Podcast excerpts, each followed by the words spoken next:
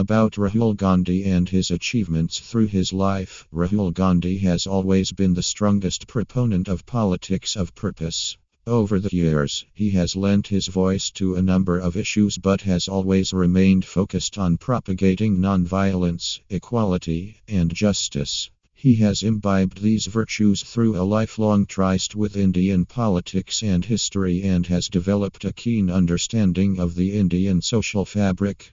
Having experienced the pain of losing both his father and grandmother to acts of violence and hatred, Rahul Gandhi has always been a champion of Gandhian philosophies of ahimsa and truth. Born on 19 June 1970, Rahul Gandhi spent his early childhood between Delhi, the political center of India, and Dehradun, a town nestled in the valley between the Himalayas and Shivaliks. He began his undergraduate career at Delhi's St. Stephen's College before moving to Harvard University in the USA. In his second year, Rahul transferred to Rollins College in Florida due to security threats following his father's, the late Prime Minister Rajiv Gandhi's, assassination. Rahul Gandhi graduated with a bachelor's degree in 1994.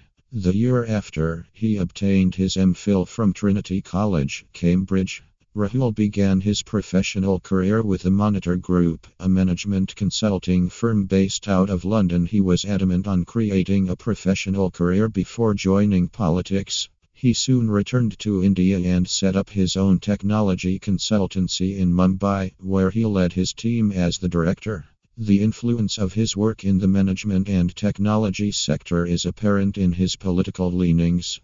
Rahul has always been a strong proponent of harnessing the scale and dexterity that technology can lend while amplifying the power of India's greatest asset, her citizens.